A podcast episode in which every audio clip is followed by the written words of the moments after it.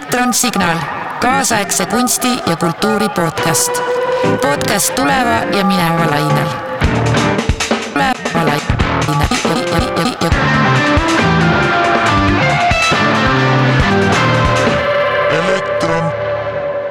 Hello. Today's episode will be in English because I have in studio with me Alberto Novella, an audiovisual artist from Italy. He is also a composer, nuclear physicist who works with brainwaves. In today's episode, we will talk about the lasers, brainwaves, old and new technology in art. I really hope you will enjoy this episode. Hello, Alberto. Hello. You said that you are interested in languages. Uh, what? How do you prefer? How I should call you? Hello, Alberto, or by Estonian, hello, Alberto. What do you prefer? Uh, depending on the accent, I am uh, very free. So uh, you can choose whatever you want. You can also say hello, Alberto. in French. It is really nice to have you here. Could you please introduce yourself with a couple of words to our listeners? yes. Uh, well, I have a kind of a mixed personality with a bit of a career schizophrenia, let's say. I started as a physicist. Um, I graduated in nuclear physics in uh, 2002 in Trieste University. And uh, I also studied in the conservatory for a long time. I dropped out of the conservatory for uh, aesthetic reasons, let's say, or uh, personal reasons. Also, I didn't like the method that it was followed uh, back then. So I studied music. Uh, I regraduated at the conservatory in a later stage when I was older. Um, I did a PhD in music perception. So I have this different. I, I was coder for a while for different companies in the audio domain. So I have these different uh, personalities that, in my opinion, they are connected in my work because I have this um, interdisciplinary output uh, that is can be defined as art science. I combine knowledge from science, from mm, coding, from engineering, and of course arts because I think it's more fun than just a pure research uh, approach. So yeah, I'm I'm this distilled uh, combination of these personalities that in the past were very different, considered very different, but I think they can mutually exchange and give uh, perspective to each other.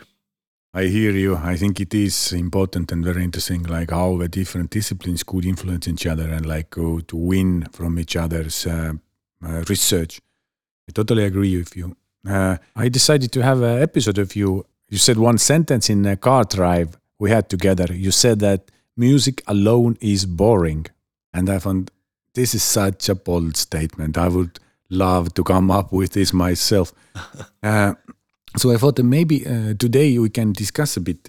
What did you mean by music is boring? Mhm.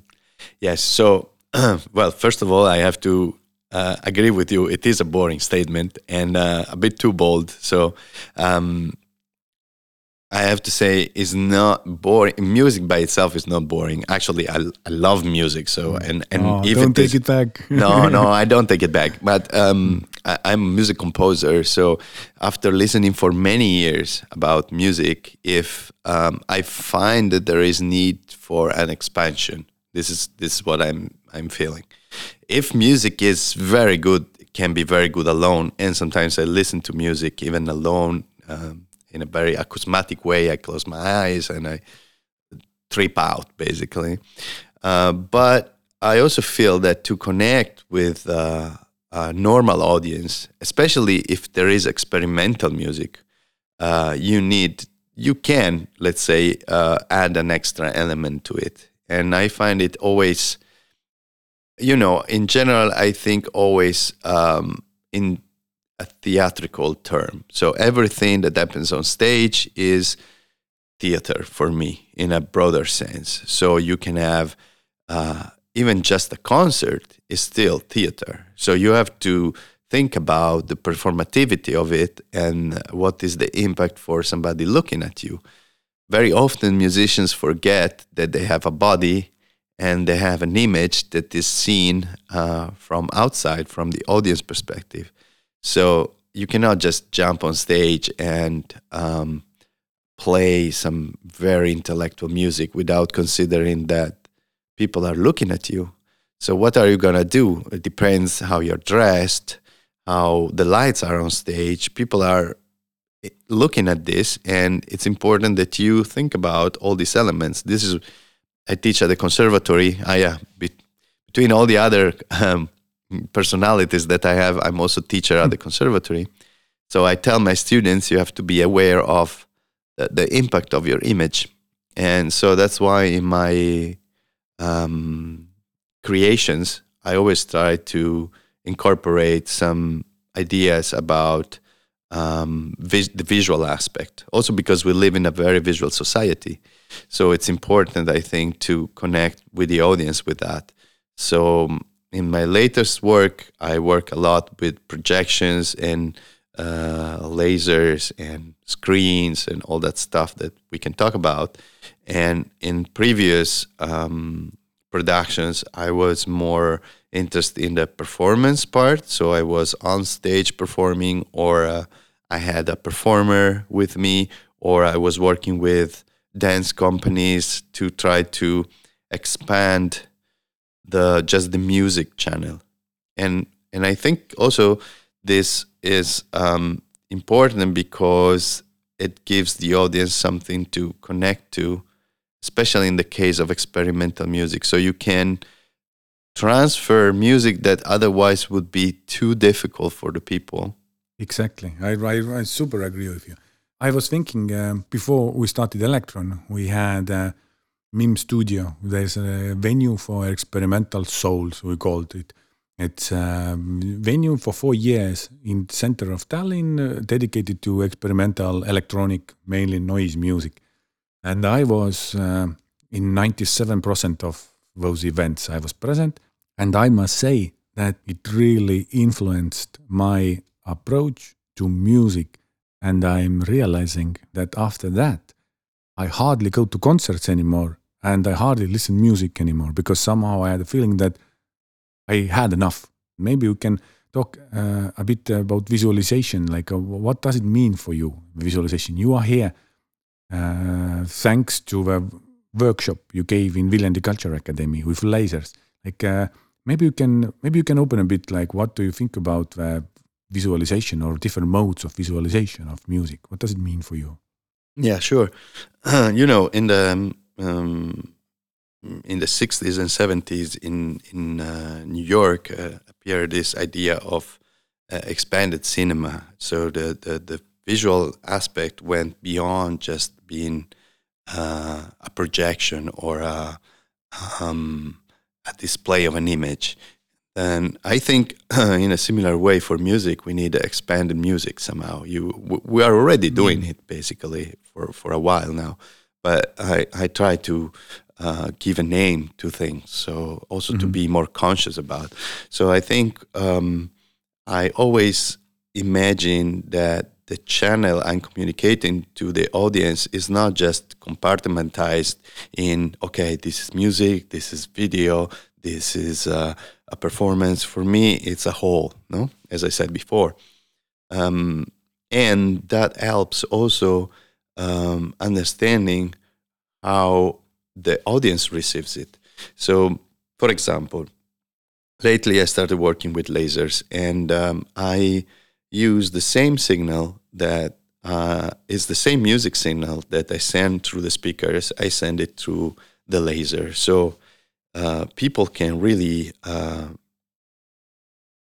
look at sound and listen to the image, listen to the light. Let me uh, step right in and uh, yeah. ask maybe you can uh, have a short geek intervention yeah. and explain like how the lasers are working and how you control it because I find it uh, super yeah. uh, fantastic. Yeah, yeah, and then I go back to what I was saying. Yeah. So, yeah, usually lasers are made of um, it's quite a simple device. Uh, it was invented in the 70s, early 70s, and um, through uh, feedback, light can be made very coherent.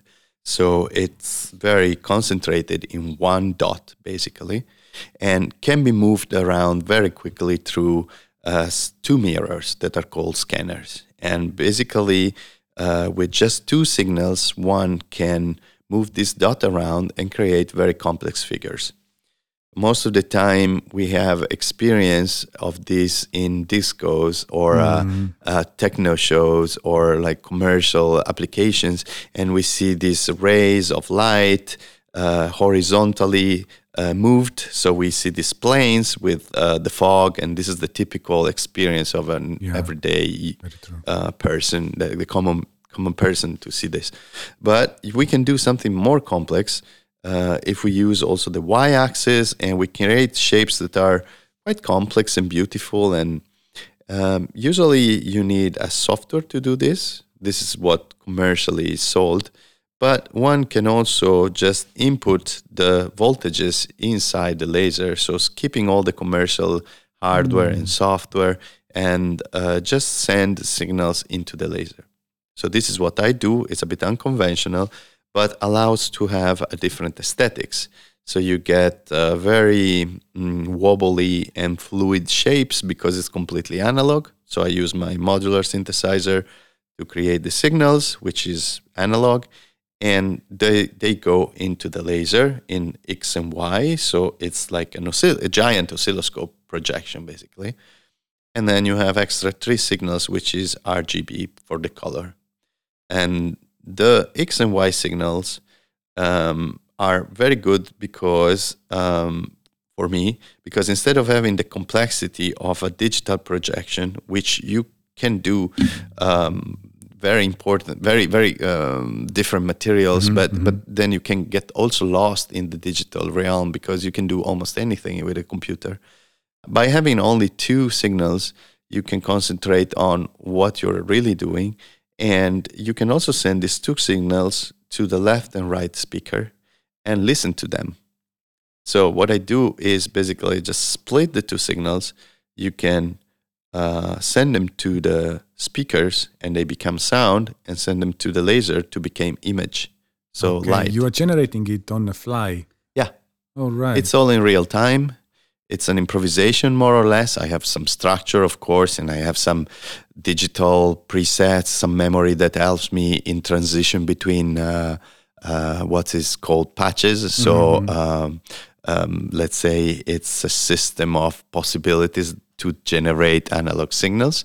But uh, yeah, in general, I do it on the fly and in real time. And it's a show that I perform more than 50 times around the world, from Vietnam to America, from uh, North to South Europe. And it works very well because it's abstract, it's uh, very visual, so it's colorful and fun. And it's for kids, it's for old people. I had uh, performed it in Italy for grannies, and mm-hmm. they loved it, and loved for it. kids. Yeah, yeah, yeah, because it's very abstract and. Mm. It's funny because the sound connected to it is basically noise. So yeah not just the noise. People always think noise is the sound of the refrigerator or a yeah. broken TV, but it's um, noise in the sense that it's very abstract and uh, um, you know it could be on very experimental music labels. But when it is with the image, then it's like smuggling uh, illegal content through the border. You can pass weird stuff, and then it becomes uh, legal for the ears and the eyes. So people really enjoy it. I see. That, that's uh, that was a point where I interrupted you. Also, when you were talking about how you can see the sound. My personal opinion is that uh, it is important then the ultimate synchronization when audiovisual is generated together somehow empowers the experience yeah somehow yeah this for me is probably the most important point apart from the beauty of the image and uh, uh, connection you know you generate somehow i started looking at it more and more. Also for me it's a process of understanding what i'm doing and talking to people talking to colleagues they do similar stuff. Um, so that connects to um, in, uh, Pauline Oliveros is this composer that started uh, putting attention to listening, pure listening, just the audio part, and she called that uh, deep listening, the the process of really um, being aware of sound, because we are getting really distracted about sound nowadays. We have devices, we have sound everywhere. Uh, we like to look at things, but um, yeah, we don't listen really deeply. We don't know what is a nice sound, what is good sound. Sometimes we listen with bad um, uh, headphones or in a bar with bad speakers, and unfortunately. So, what I started noticing is by projecting the image and projecting the sound relative to the image at the same time, there is this synchronicity that you're talking about but there is something more that start developing that is difficult to capture by words, but is a sort of uh, perception of an entity because this thing that you're looking is a synesthetic um, being. It comes to you by sound and by vision, but sometimes also by by by uh, haptic. So you feel the bass in the room or you feel the high frequency and you vibrate also. So you start perceiving a whole that is more than just uh, the, the, the, the sound and image divided. Most of the time, we look at audiovisual uh, shows, there is an arbitrary uh, choice of the artist to present an image connected to a sound. And sometimes there is synchronicity, but it's an arbitrary um, display. In my case, it's really the same signal. So I noticed, and this what this is what I call uh, visual listening, that people start um, listening or being more aware about the sound by looking at the image. You start seeing little details. You start hearing little details by the visualization of sound. So, for example, there is some uh, phasing of the two signals, uh, which is uh, well, this is very geek, but this is the name. So the, hmm. the there is some sort of displacement of the waves, and between x and y, um, there is also some filtering that occurs. There is some beating. So when the two frequencies are not exactly the same, then there is this kind of whoa, whoa, whoa, like a massage mm. almost, that uh, in classical music you tend to avoid because it means that things are out of tune. But I think it's actually very beautiful. Um, this is uh, something exploited through the minimalism in the 70s. Um, but yeah, you start seeing these things, and so you start visually listening and uh, visually you understand sounds in a deeper way. Um, and for me, this is uh, the, the advantage of this type of representation. And of course, it's entertaining because it's very synchronic. And as an artist, I play with that. So I do very rhythmical cut ups, mm. some glitches, and stuff like that. So it's, um, it's a good material. You can play long drones and they become almost like a audiovisual massage or you can uh, do uh, cut ups and glitches and it becomes very rhythmical uh, in the style of Ikeda or uh, you know Alva Noto, this kind of mm-hmm. stuff. Uh, so y- you can really sometimes I, I think my show spans the whole history of electronic music. Mm-hmm. I go from very um, ambient to uh, noise, to uh, drones, to uh, glitch, clicks and cuts and stuff like that. But I also know that you've been working with a sound what comes from your head. You've been working with the brain waves and how the brain waves are generating music. I read your book uh, before I, know, I knew you. I read your book um, uh, From Visible to Invisible, and this was super inspiring for me and somehow really well captured the whole the history of music made with EEG, with brainwaves. Maybe we can move now from outside to inside to discuss a bit like uh, what does it mean for you if uh, sound comes from the deeper level of your existence, let's say. Yeah, sure. So, um, yeah, this is for me still, um, in a way, it's the other. when I started creating shows, um, uh, I always thought of everything I do as a concert, but at the same time, I want to expand it. So one possibility is the audiovisual, which is what I'm doing now, but the other one was the performance part. So music plus some action on stage. So the performer, the, the musician would become also a, an actor in a way. Uh, and this is, was uh, by using the AG to expand the contribution of the composer with a with a with a direct um, mm, theatrical outcome. And um, I started. This all started when in 2011 I had to help uh, Alvin Lucier. Alvin Lucier is uh, the first guy that started working with EEGs in um, in the in the 60s and uh, the first performance he did, and the most famous in this field, is music for solo performer. In this performance, he sit on stage and he has uh, this um, alpha wave. Uh, produ- uh, the, the, the sensor gets these alpha waves, which are the uh, brain waves that we produce when we close the eyes or we are in a relaxed state mm-hmm. in general. He's sitting on the stage, uh, meditating, looking like meditating and it's generate these alpha waves and then they go through a mixer desk and nicolas collins at the time was uh, distributing them uh, across the different uh, objects that would start to resonate i think in the first time there was john cage but then it was uh, nicolas collins um, when i helped uh, alvin lucier and nicolas Collins in 2011 i was a bit um, let's say disappointed I'm gonna be bold again. I decided that okay, something like 50 years passed and we're still there. You know, that there is a guy meditating on stage. Nobody knows what is happening. Uh, it's a bit of a voodoo, you know, a bit yeah. of a um, um, Wizard of Oz. Like if you go look behind the curtain, you see that there is some recordings of the brain waves because this is what he does. He has it also written in his. Uh, oh. yeah, so okay. it's a kind of a theater game.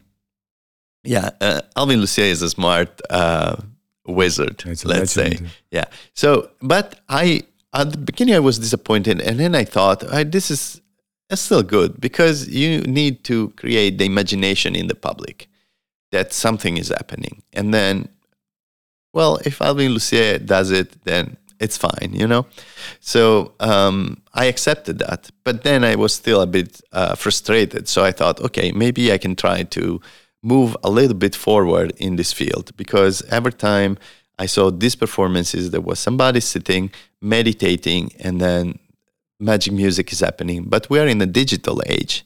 And now we know that there can be a play button or uh, you know uh, remote mm-hmm. uh, somewhere so what do you know about the music playing it could be anything you know so yeah. i thought okay i have to make it so that the public can see my internal state manifested outside i mean this is when people come to see a performance of brainwaves there is a big expectation which it's what uh, brings the people to the theater to see it they yeah, want to see the mental control. They want to have this like kinet- telekinetic magic happening.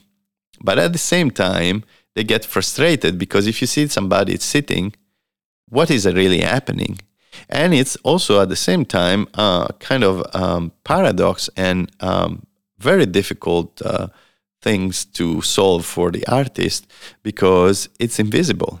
So that's why the title of the of the book. So how to make something invisible, like uh, intention, basically, be um, materialized for the audience to see, so that they don't get frustrated.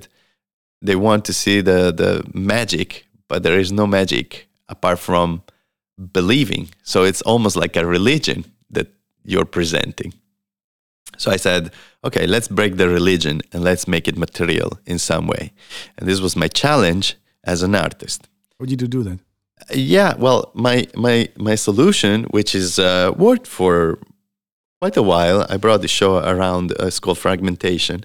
Um, was to create a gamification uh, environment. So basically, I remembered how it was looking in the arcade room two people play. You know, there is this charm when you are a kid. You go you went now mm-hmm. it doesn't happen anymore but we used to go to the arcade room and look at the other kids playing the game so in this sense i remember when you look at somebody playing you basically see the intention you can anticipate what the guy that is playing is trying to do and sometimes there is one kid playing and 20 kids around on the sides of the arcade game trying to look is it making it? Is it not making it? So there is a transfer of emotion and intention. Is it failing? Is it like struggling you know?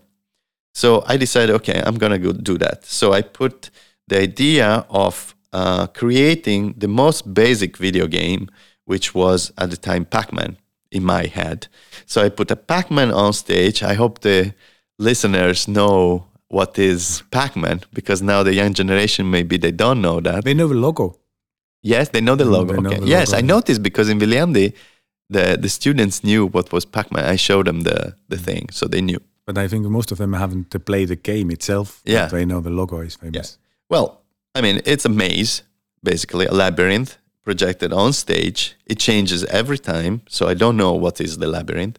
And I'm naked on stage uh, with just this sensor on my head. So that is also to show that uh, I'm really using just the sensor. I could have some hidden uh, remote control, but you would see it mm. unless I really hide it really well. um, and I don't have any technician, so I arrive without technician no light technician, no sound technician. Everything is there, and uh, this is the performance. Uh, so I start the um, maze creates on stage. This Pac-Man appears, and I have three th- thoughts that can move to the left, to the right, or go forward. And this is took me really uh, almost one and a half year to find out how to detect these signals because you do a lot of signal processing and correlation you know that we can go geek but yeah but like still I really geek. Yeah but maybe we don't go super deep but somehow you can still explain what how you were working. Yes. Okay. no well actually i took a complete different approach. Okay. Instead of looking at spectrum i looked at the time. So um, i decided that i could recognize some signals in the time domain and then correlate them with um, a template. Mm-hmm. So it would take me really, uh, that's the difficult part about this on a geeky way. You have to find first templates that are strong enough so that they are uh, consistently repeating. So mm-hmm. if I think, for example, about uh, a cup, do I generate always the same signal in my brain? Maybe not. Maybe it changes every week. Maybe it changes depending on the color of the cup, if the cup is big or small, if I know what is inside the cup. So, first of all, I had to find uh, thoughts that were repeating consistently in my daily life that I could reproduce, let's say. Mm-hmm. So, in this case, it's very important that you have a different sensors on your head because different areas of your brain generate different uh, energy. So, um, in this case, I had 14 sensors and I could look at the distribution of energy and signals across the brain. So that helps a lot because Alvin Lucier had only from the frontal, so okay. he could see only the eyes signal basically, which is easier, but that's why it was so rudimentary. But now we have digital uh, tools. So I thought, okay, I did signal processing at physics when I studied. I thought I was uh, I had the knowledge to bridge the two uh, domains, art and science, because I can finally analyze these signals in a more scientific way. Yeah, sorry to interrupt, but I think we should start moving towards the surface. Anyway, first you have to find the templates and then you have to recognize them.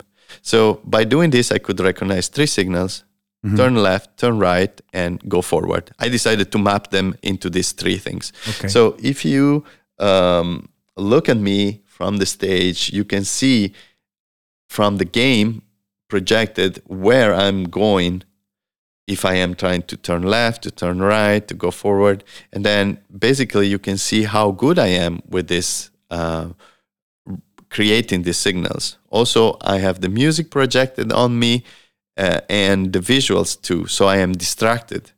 So it's a game of concentration basically. And my purpose is to show the people how difficult or how simple it is to uh, move this Pac-Man and get it to the end of the the labyrinth and then it worked because many people could really see okay he's struggling now he's succeeding now he's relieved so i managed to transfer a little bit more than just okay there is a guy sitting on stage and some sound is mm. produced that's it i try to make it short ah, it sounds super i'm sitting now i'm trying to imagine you to sit there naked on stage and playing a yeah. mind Pac-Man. I'm moving with the Pac-Man. Ah, you moving? Yes, I, I, am. I am. In the meantime, I move, follow the Pac-Man, and I do this kind of Butoh dance, which is a Japanese dance that helps mm-hmm. me because I part of the to generate these three signals, I need to move part of my body and concentrate in a specific way.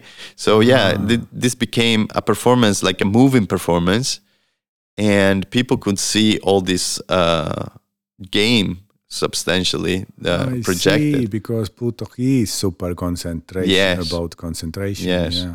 Yes. And physical. Uh, yes. Tension. Tension, exactly. Because I noticed that uh, tensing the right part of my body would produce certain type of thinking, and constant, and the other way around for the left part of my body. So oh. this is what I used at the end Ah. because thinking about an object is really difficult. Yeah, it seems impossible. Yeah, it changes. I think throughout your lifetime, it changes. Is so many variabilities. So I more instead of thinking, I started creating brain states. It's not about thoughts is about brain states, I think. But if we now zoom out and think of uh, music making and music visualization and the visualization of the brain waves and the music made with the brain waves, and we look it from above, what is your interest in them now?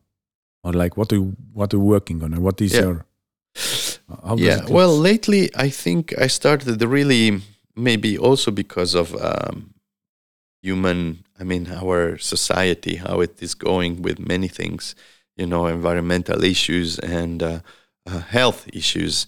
Um, so i started really rethinking about technology because what i've been doing that is the connection between everything that i'm doing is technology itself. I use uh, sensors i used lasers i used uh, uh, screens and you know all this stuff. And i'm teaching all these things also to uh, young students.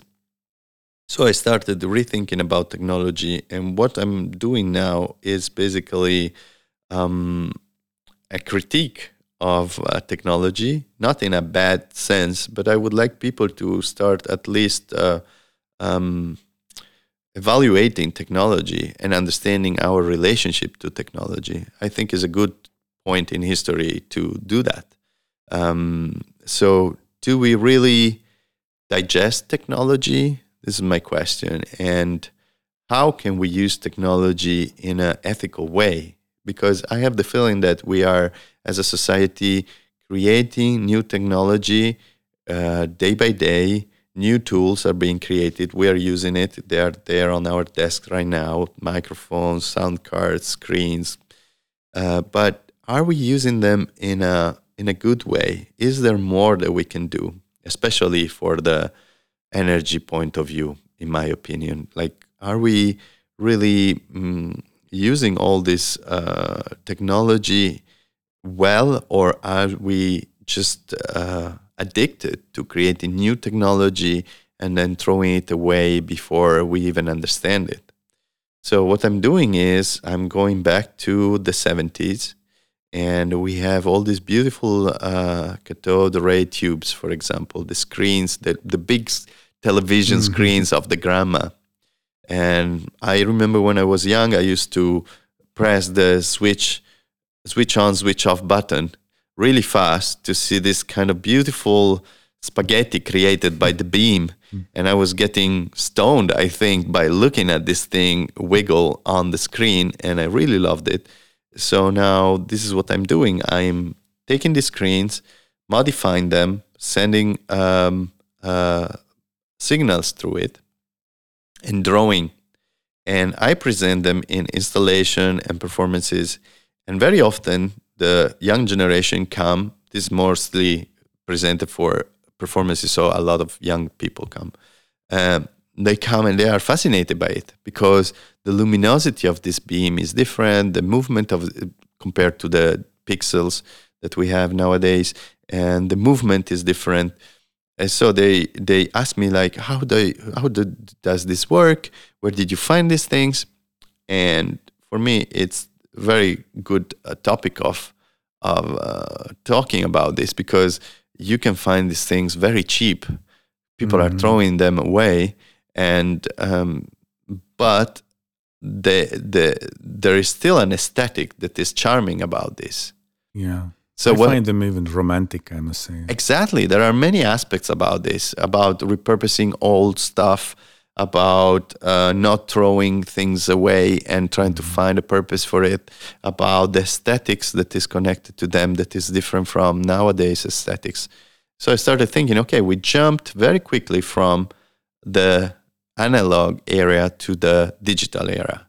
And we are in love with the digital because allows us to do many things that we could not do before, mm-hmm. which is great. We have internet, we have uh, we can share pictures, stuff like that. But I also think we jumped very hastily without understanding that certain tools from the past they can do amazing stuff, and we threw them away. And so that made me think like, okay, technology. What is technology? Where does it come from? A lot of this technology comes from military. You know, mm-hmm. the internet, GPS. Um, computers, screens, you know, radars. Uh, so, who creates the technology? Uh, do we really consume technology consciously, or we're just uh, the usual hamster in the wheel that somebody created and we're running after it? So I become really political a little bit, but I don't want to be too heavy. But you know, so this is what I'm working on now: is technology, trying to understand uh, what is it and how can we somehow criticize it or at least put some questions is the new really so good is the old really so bad is new better than old exactly because for certain things maybe the old was not that bad. And we don't need to create so many of these things. Maybe we have all the technology we need. We just need to use it better. We don't need to create new cars or new screens or new maybe we have a lot that we just have to use it smartly in an environmental friendly way and trying to uh, make sense of it. Yeah now i am feeling that we can open this pandora box of uh, capitalism and uh, the politics yes. but i agree i really hear you i really agree with you yeah i want to thank you uh, for this episode and uh, to coming to our studio and to coming to Estonia. Oh, it's been a pleasure, and maybe I'm gonna be next year in the festival. I don't ah, know. Yeah, exactly. There is always a possibility yeah, I come exactly. back. Thank you so much. elektronsignaal, kaasaegse kunsti ja kultuuri podcast. podcast tuleva ja mineva lainel